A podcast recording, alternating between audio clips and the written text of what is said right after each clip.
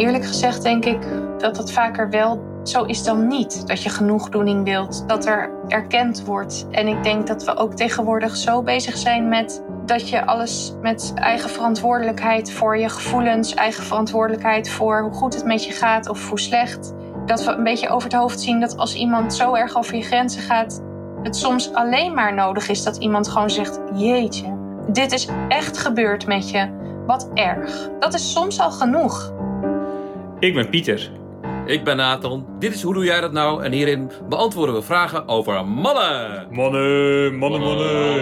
Mannen, hoi, hoi, hoi, hoi, hoi. Mannen, mannen, mannen. Hoi, hoi, hoi.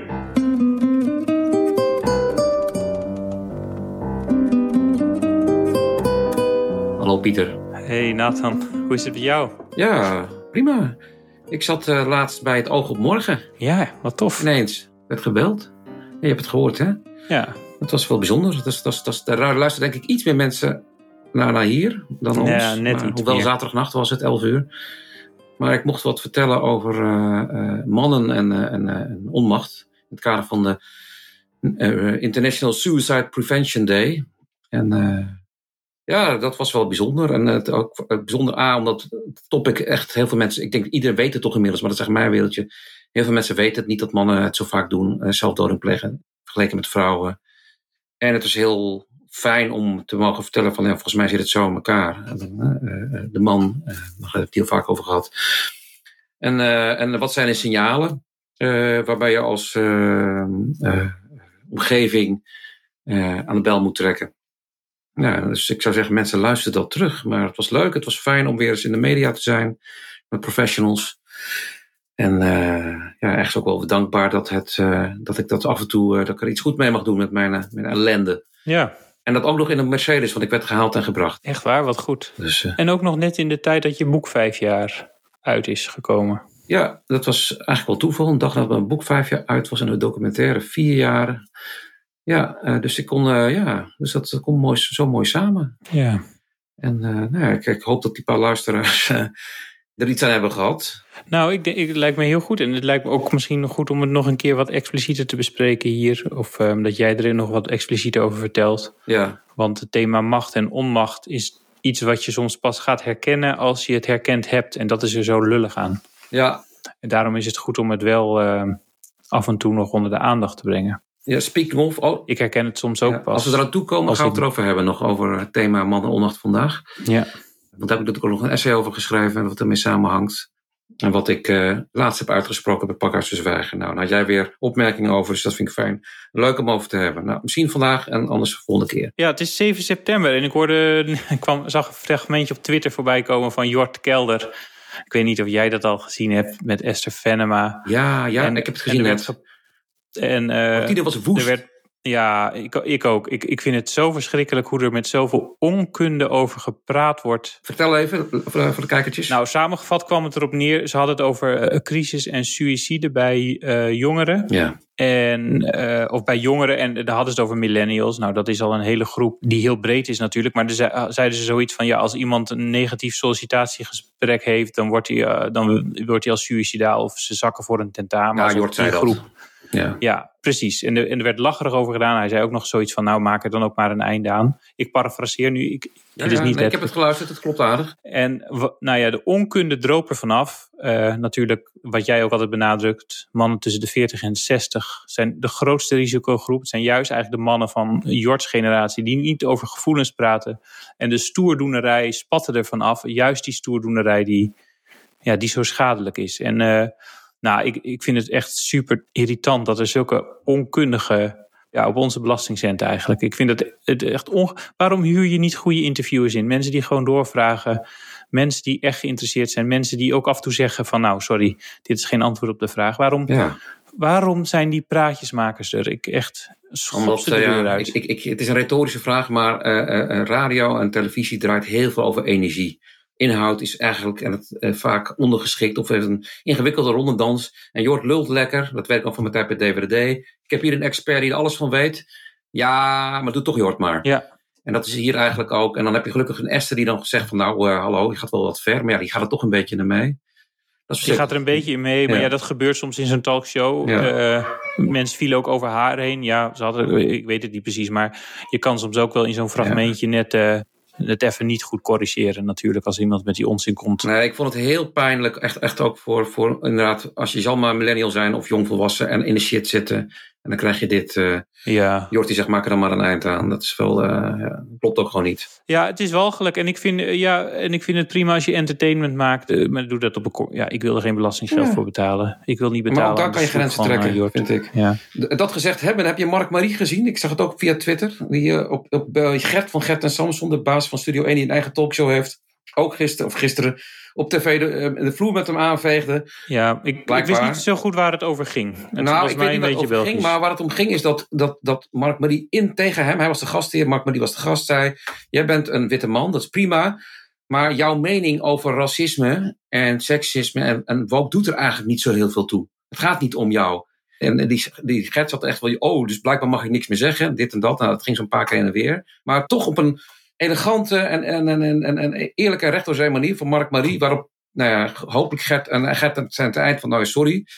En ik hoop dat het bij hem iets veranderd heeft. Die man heeft natuurlijk ook invloed. Maar dat, daar ben ik wel heel vrolijk van. Okay. Mark Marie is mijn spirit animal. Al sinds hij de Sorry Piet is trouwens. Nou, hij zei er niks geks over. Maar ik, ik ben toch soms een beetje bang dat het ook een bepaalde groep is die wie in het, juist in het defensief komt.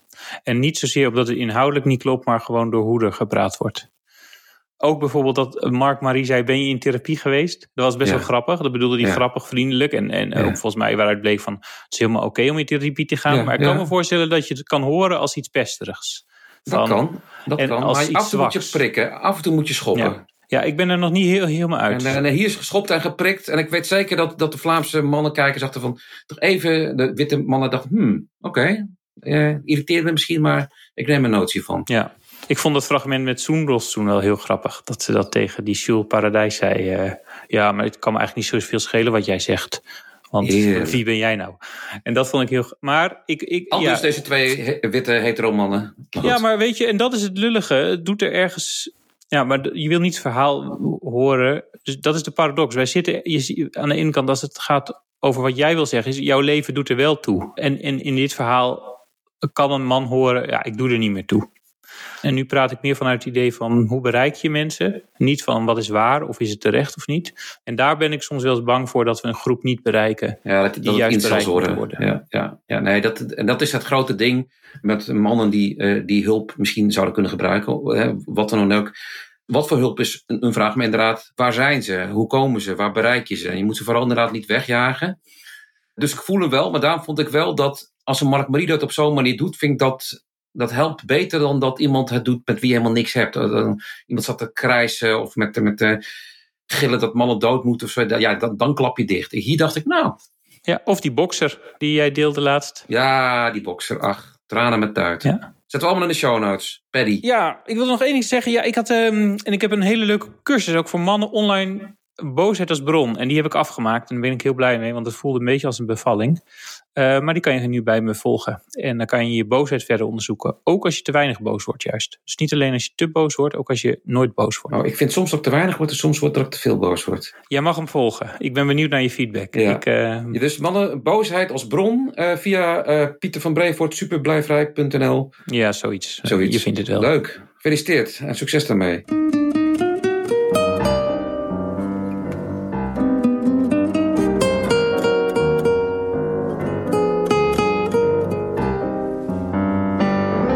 Gaan we naar Josje. Hi. Hi Josje, leuk dat je er weer bent. We hebben al een keer heel lang met je gepraat en toen bleek de opname mislukt te zijn. Nou, dat vinden we heel jammer. We, hadden afgesproken in Amsterdam, we hebben elkaar toen gesproken, uitgebreid. Je hebt heel veel verteld en toen kwamen we erachter dat het niet opgenomen was. Maar gelukkig wil je niet goed. niet goed opgenomen was. En gelukkig wil je het nog een keer doen. We gaan natuurlijk niet letterlijk het gesprek over doen. Uh, maar we gaan, gaan, gewoon weer verder met je praten. En we gaan het hebben over jouw ervaringen met mannen en grensoverschrijdingen. En wat je daar vervolgens mee gedaan hebt. Klopt dat? Ja, dat klopt. Of niet gedaan heb. Ja, dat is hetzelfde, hè? maar ik zeg het er toch maar even bij. Precies. Ja, ja dus het is een gesprek uh, wat pijnlijke onderwerpen aansnijdt. Maar um, ik denk dat we er in algemene termen over gaan praten. Dat is misschien goed om vooraf te weten. Dus in het vorige gesprek heb je verteld dat je echt verschillende vervelende ervaringen hebt gehad met mannen, ervaring van grensoverschrijdingen. Ik weet niet hoe jij het zelf noemt. Ja, zo denk ik. Oké. Uh, want het is, het is, is een groot verschil tussen grensoverschrijdend geweld, grensoverschrijdend gedrag, een grensoverschrijdende inschattingsfout. Wat ook gedrag is en ook geweld kan zijn. Ik bedoel, dus het is een hele. Er zijn een heleboel vormen van. Precies, en een grensoverschrijding kan ook in normale seksualiteit gebeuren, waarbij je gewoon iemand zeg maar weer terugduwt, bij wijze van spreken. Zonder ja, dat het niet beschadigend uh, is, maar dat het het spel is op die grens.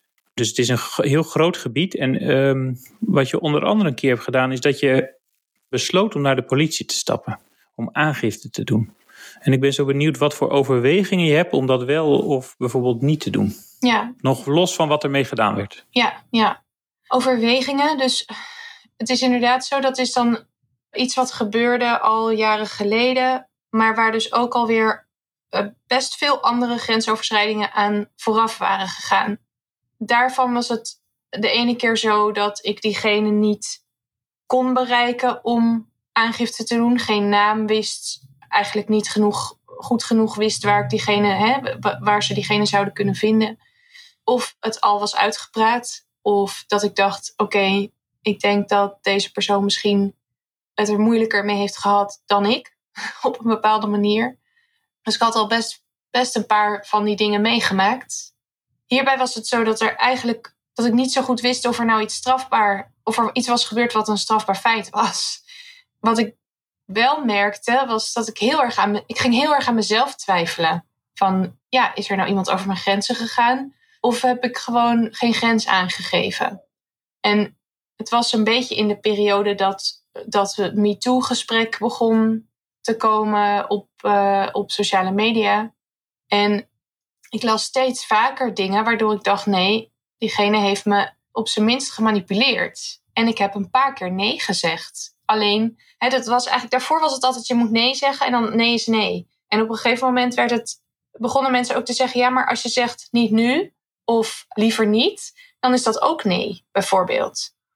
En ik heb best wel met een paar mannen gehad dat ik bijvoorbeeld zei: ik wil wel praten, maar ik wil geen seks vanavond. En daar zit ergens een grens. Wanneer besluit ik zelf dat ik het dan toch wil, of dat ik het inderdaad niet ga doen? En wanneer heb ik het gevoel dat die ander toch druk aan het uitoefenen is? En dit was zo'n geval waarvan ik dacht, die ander heeft druk uitgeoefend, toch? En daar heb ik jaren over nagedacht en therapie voor gehad. Het had me heel erg in de war geschopt. Ik heb er echt, want ik, ik dacht ook misschien wilde ik het wel heel graag en was ik teleurgesteld. Ik ging alleen eigenlijk heel erg aan mezelf twijfelen. En ik wilde dat, dat vooral ook rechtzetten voor mezelf. Van nee, hij is over mijn grens gegaan. En bovendien hoorde ik ook via via wel dat hij over andere grenzen was gegaan. En dat was eigenlijk ook de druppel. Dat ik dacht, nou, ik, uh, ik wil dit proberen. Ik vind het belangrijk om, het, om te zien wat ermee gebeurt ook. Oké. En als iemand dan zegt het is niet strafbaar, dan kijk ik verder wat ik er dan mee wil. Ja, en eh, dus je hebt eigenlijk twee dingen hè, als het gaat over die grensoverschrijding. Je hebt dat je naar jezelf toe uh, helder krijgt van ja, hoe laat jij, hoe ga jij met je eigen grenzen om? Hoe, uh, hè, en hoe communiceer je daarover? Hoe, uh, ja, hoe ga je met je eigen grenzen om? Dat is dus een vraag die je in je therapie onderzoekt. Maar ook de vraag dus eigenlijk van um, ja, moet, moet, ik, moet ik nog wat doen? Moet ik nog naar buiten toe wat doen wat, wat die ander gedaan heeft? mijn vraag is eigenlijk: hoe weet jij van oké, ik moet bij, naar hem nog iets doen? Alleen maar om mezelf kenbaar te maken. Hoe moet ik hem, wil ik genoeg doen hiervoor? Of heb ik zelf iets ja, in die grens gedaan en wil ik het met hem daarover hebben? Snap je wat ik bedoel? Ja. Wat zijn je overwegingen daarin?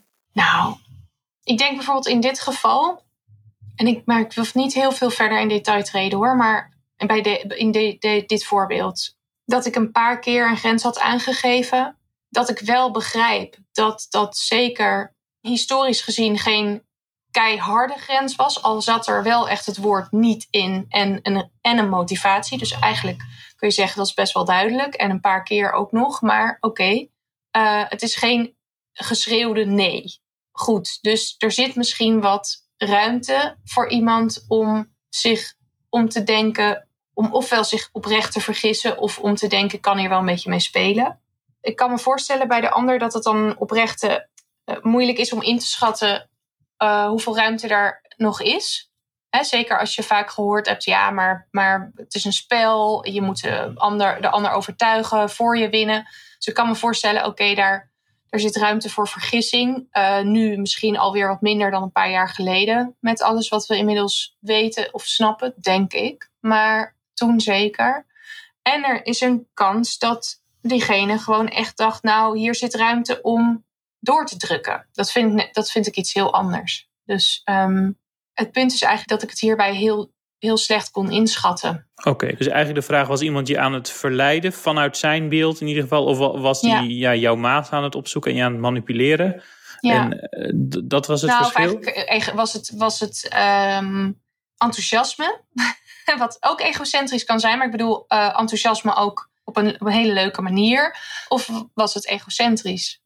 Ja. Hey, en in hoeverre speelt iemands onkunde en, ja, mee in de overweging of je een aangifte doet? Ja, voor mij, dat vond ik hier dus lastig bij. Dus ik, ik, ik, ben ook naar de, ik ben ook naar de politie gegaan. Ik heb ook gezegd, ik weet dit niet zeker. Ik weet niet zo goed wat dit is.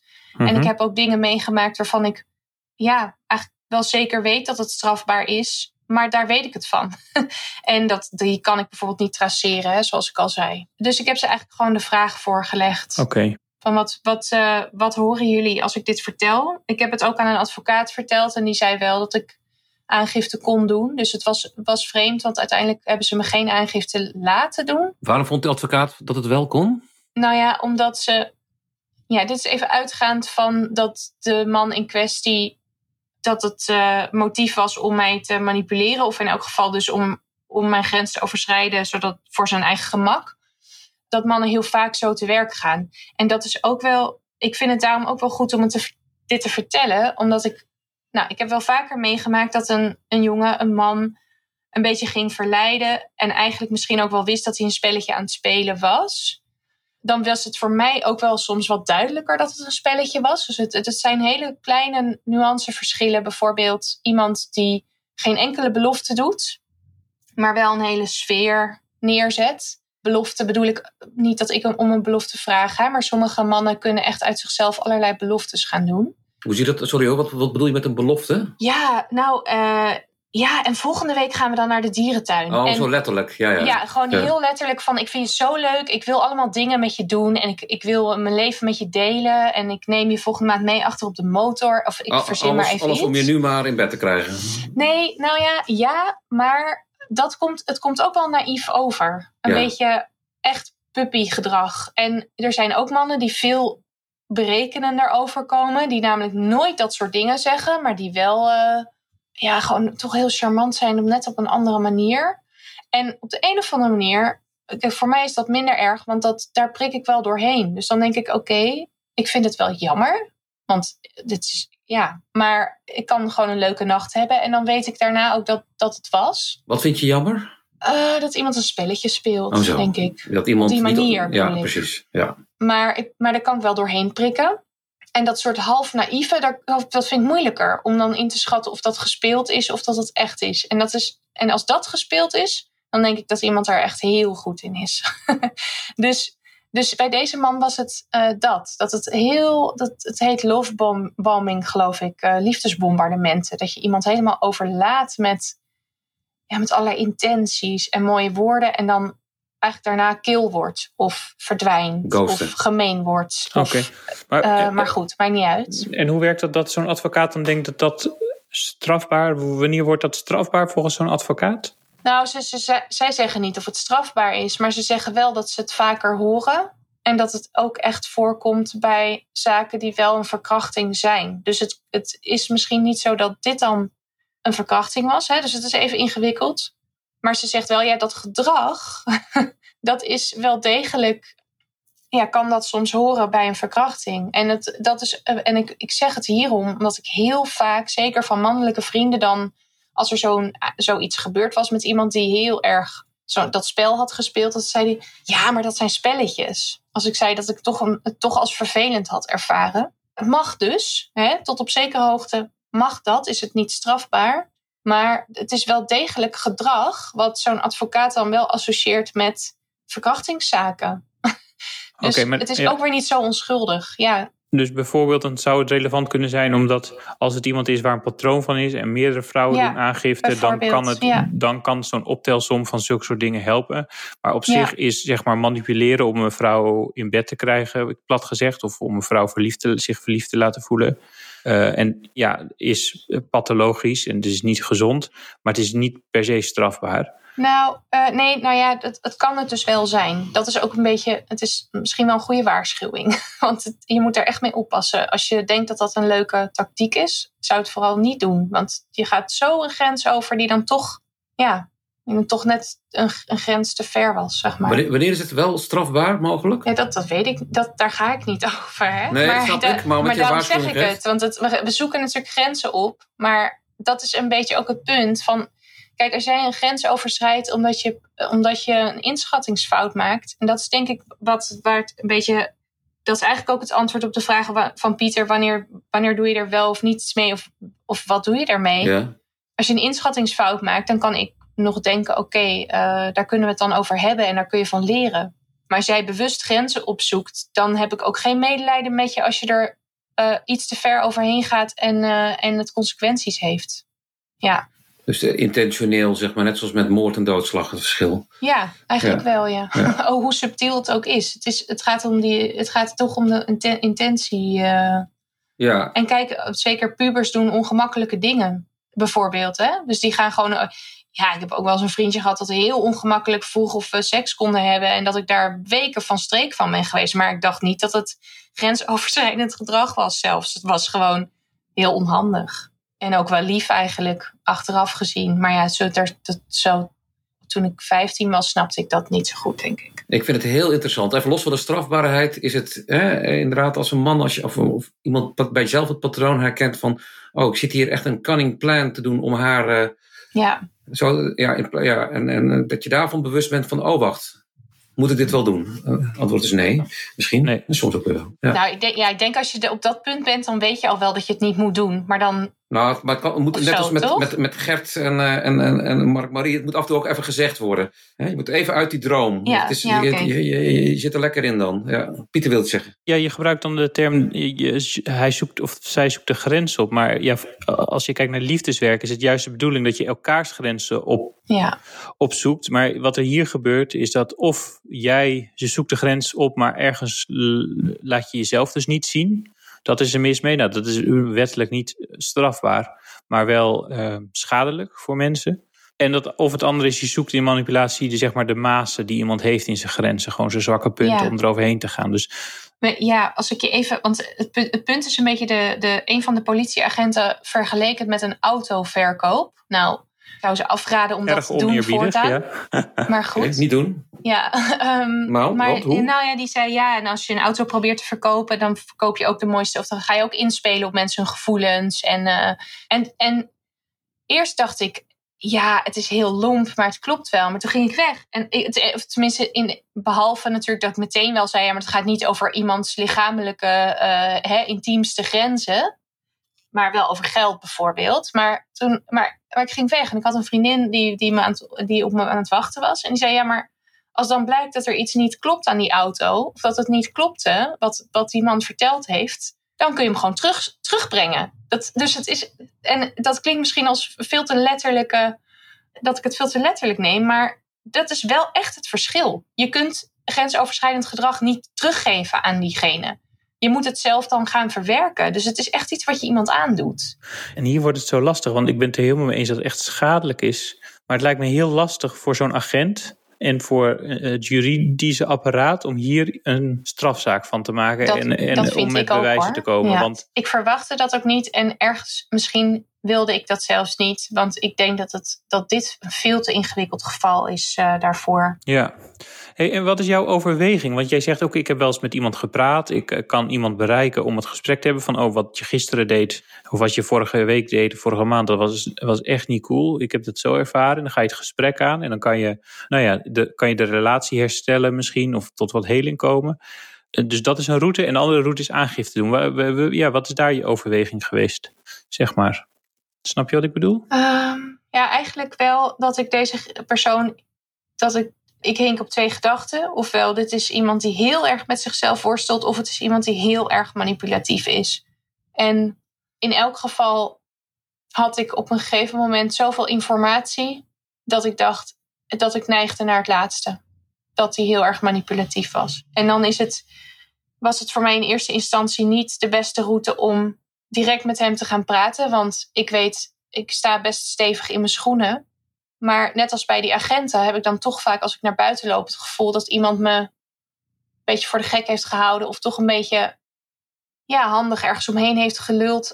Om het even onerbiedig te zeggen. Uh, ja, dus nou ja, dat, uh, dat, dat was ook een overweging. Dat ik dacht, maar je bedoelt dat er al wat schaamte bij jou komt? Nee, eh, ik bedoel eigenlijk dat ik diegene kan, wel kan aanspreken. Maar dat ik, dat ik eigenlijk wel dacht, ja, die, dat is iemand die, die gaat zich daar misschien wel heel makkelijk uitkletsen. Of niet makkelijk hoor, want ik, ik weet inmiddels wel wat ik vind. Maar dat, ik, ik weet niet, ik zag hem dat gewoon doen. En ik had ook het idee, ik, nou ja, goed, ik wil eigenlijk um, niet al te veel verder op ingaan. Maar okay. ik had genoeg informatie om te denken, volgens mij is dit meer iets voor een aangifte.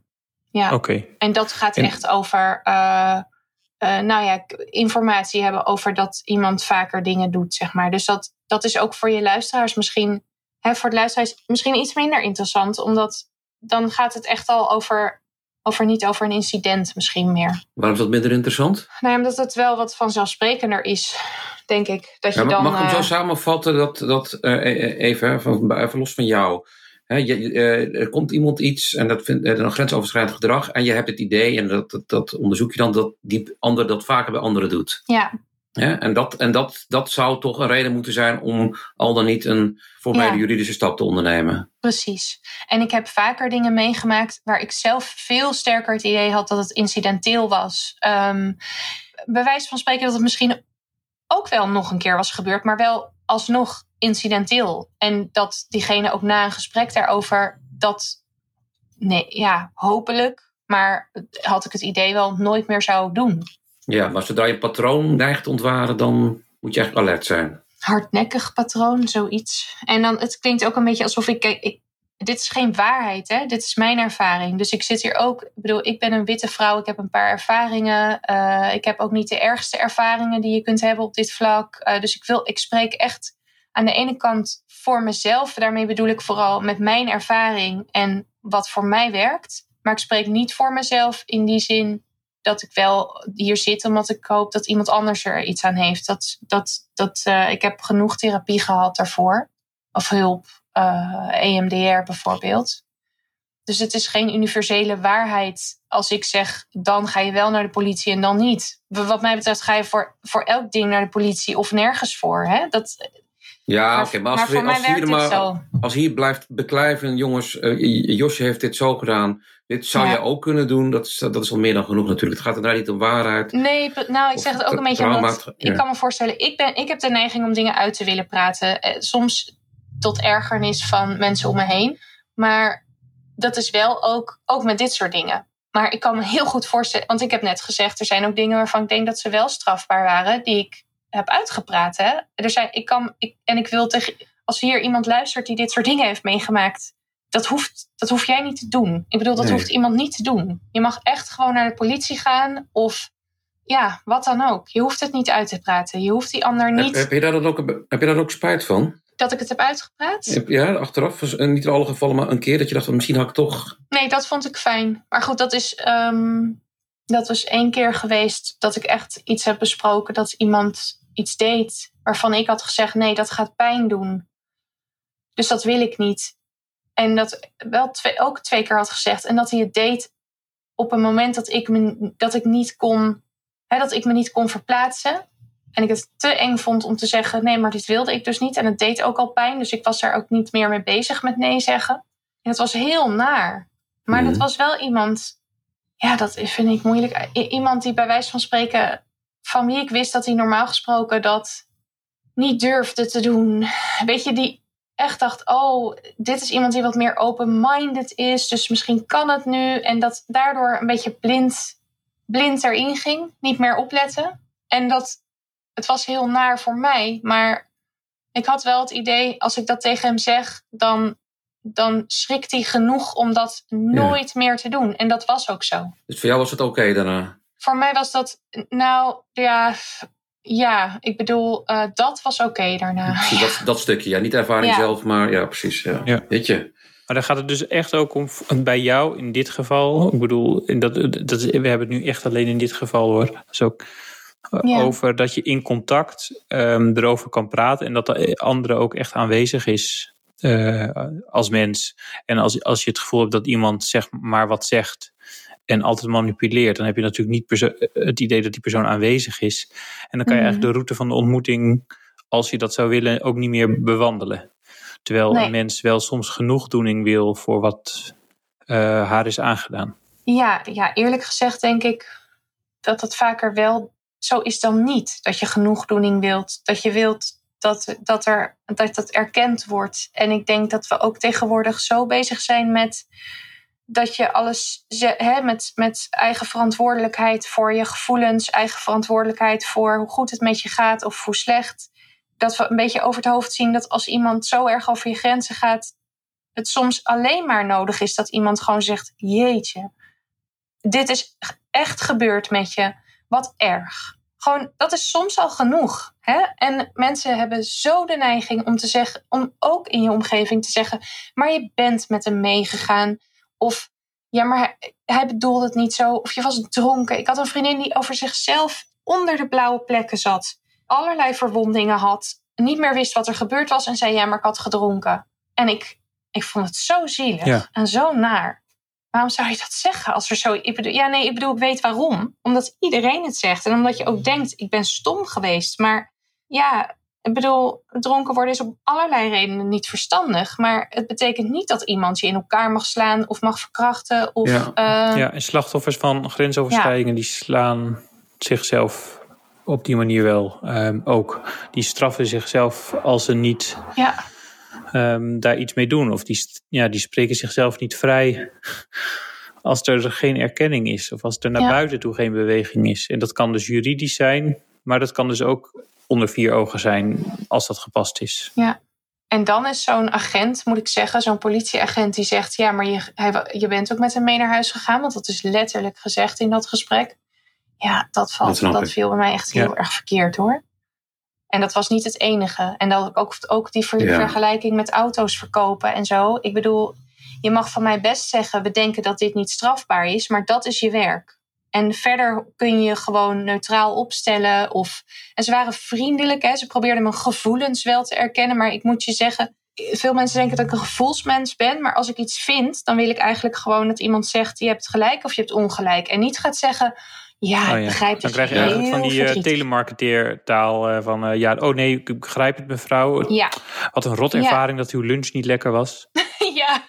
Nee, dat was gewoon slecht voor klaargemaakt. Ja. Eh, als ik het goed Ja. begrijp, als er, nou, in jouw geval, maar laten we hem even ook naar de, naar de luisteraars brengen. Als er over je grens is gegaan door iemand, en flink, en of in ieder geval in die mate dat het een, echt een rotervaring was, dan is het minste of het eerste wat die ander die over je grens is gegaan moet doen, is met jou in contact willen zijn. Dus of als jij in contact wil. Dus in ieder geval eh, eh, het, het willen aanzien, aanhoren, noem maar op. En niet weg. Ja, klopt dat? Ja, nou ja heel, be- heel belangrijk daar. Een belangrijke nuance is denk ik dat het in contact zijn ook kan zijn geen contact hebben.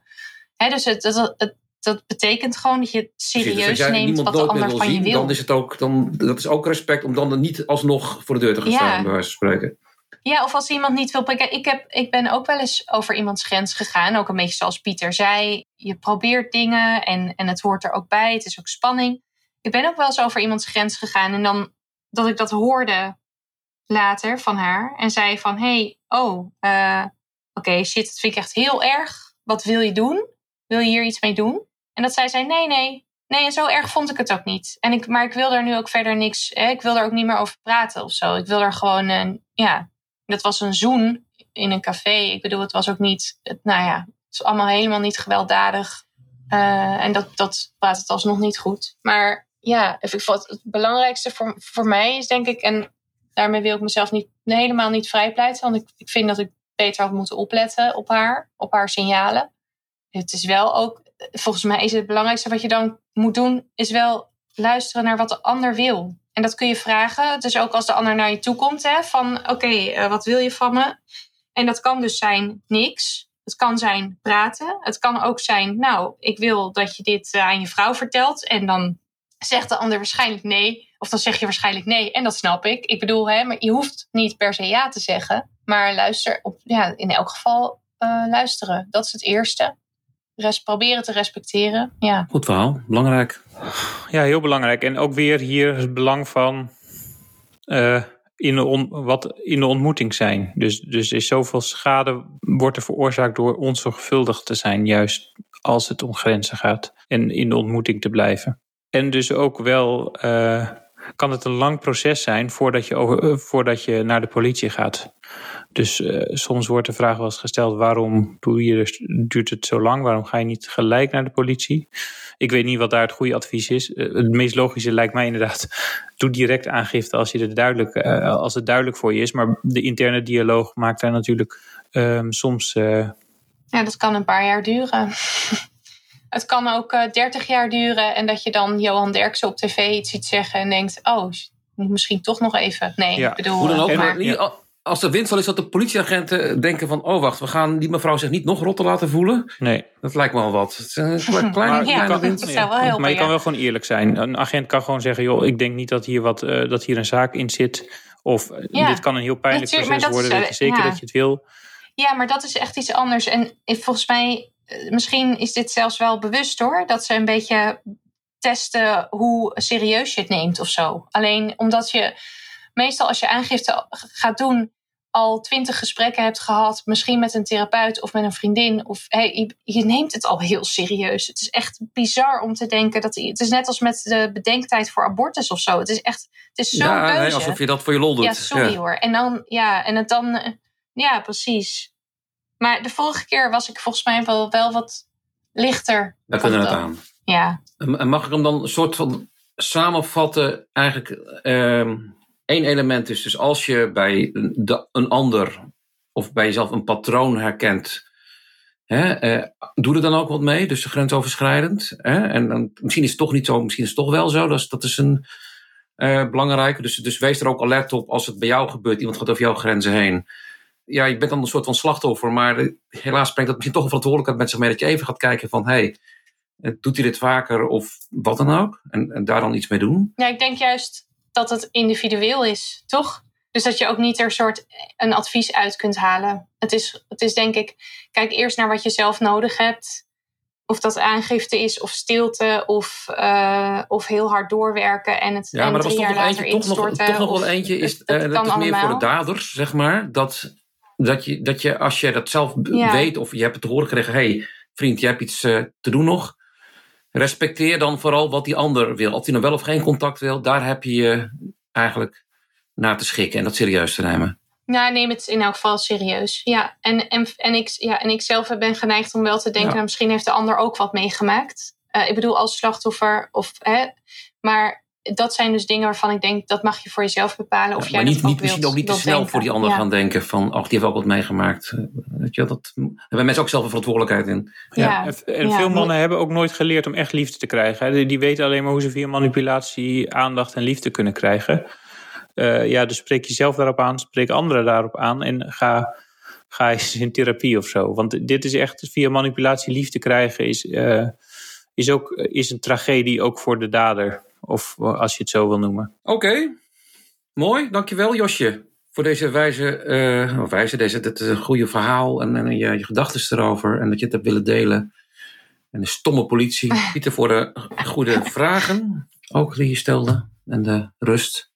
Nou, we laten eh, de rest zitten voor vandaag. Dat komt wel weer. Yes, we hadden nog een goede vraag. Die sloot hierop aan. eh, en dan, maar dat bespreken we de Voor de volgende, volgende keer keer, wel. mensen. Anders wordt het allemaal veel te veel. Over het koor. Dan gaan we ook heel corporaal doen. Nou, dankjewel. Eh, Weer een herinnering aan iedereen om, om te blijven oefenen. Ook met je eigen grensbewustzijn van jezelf. Zo is het. Dankjewel. Josje, dankjewel.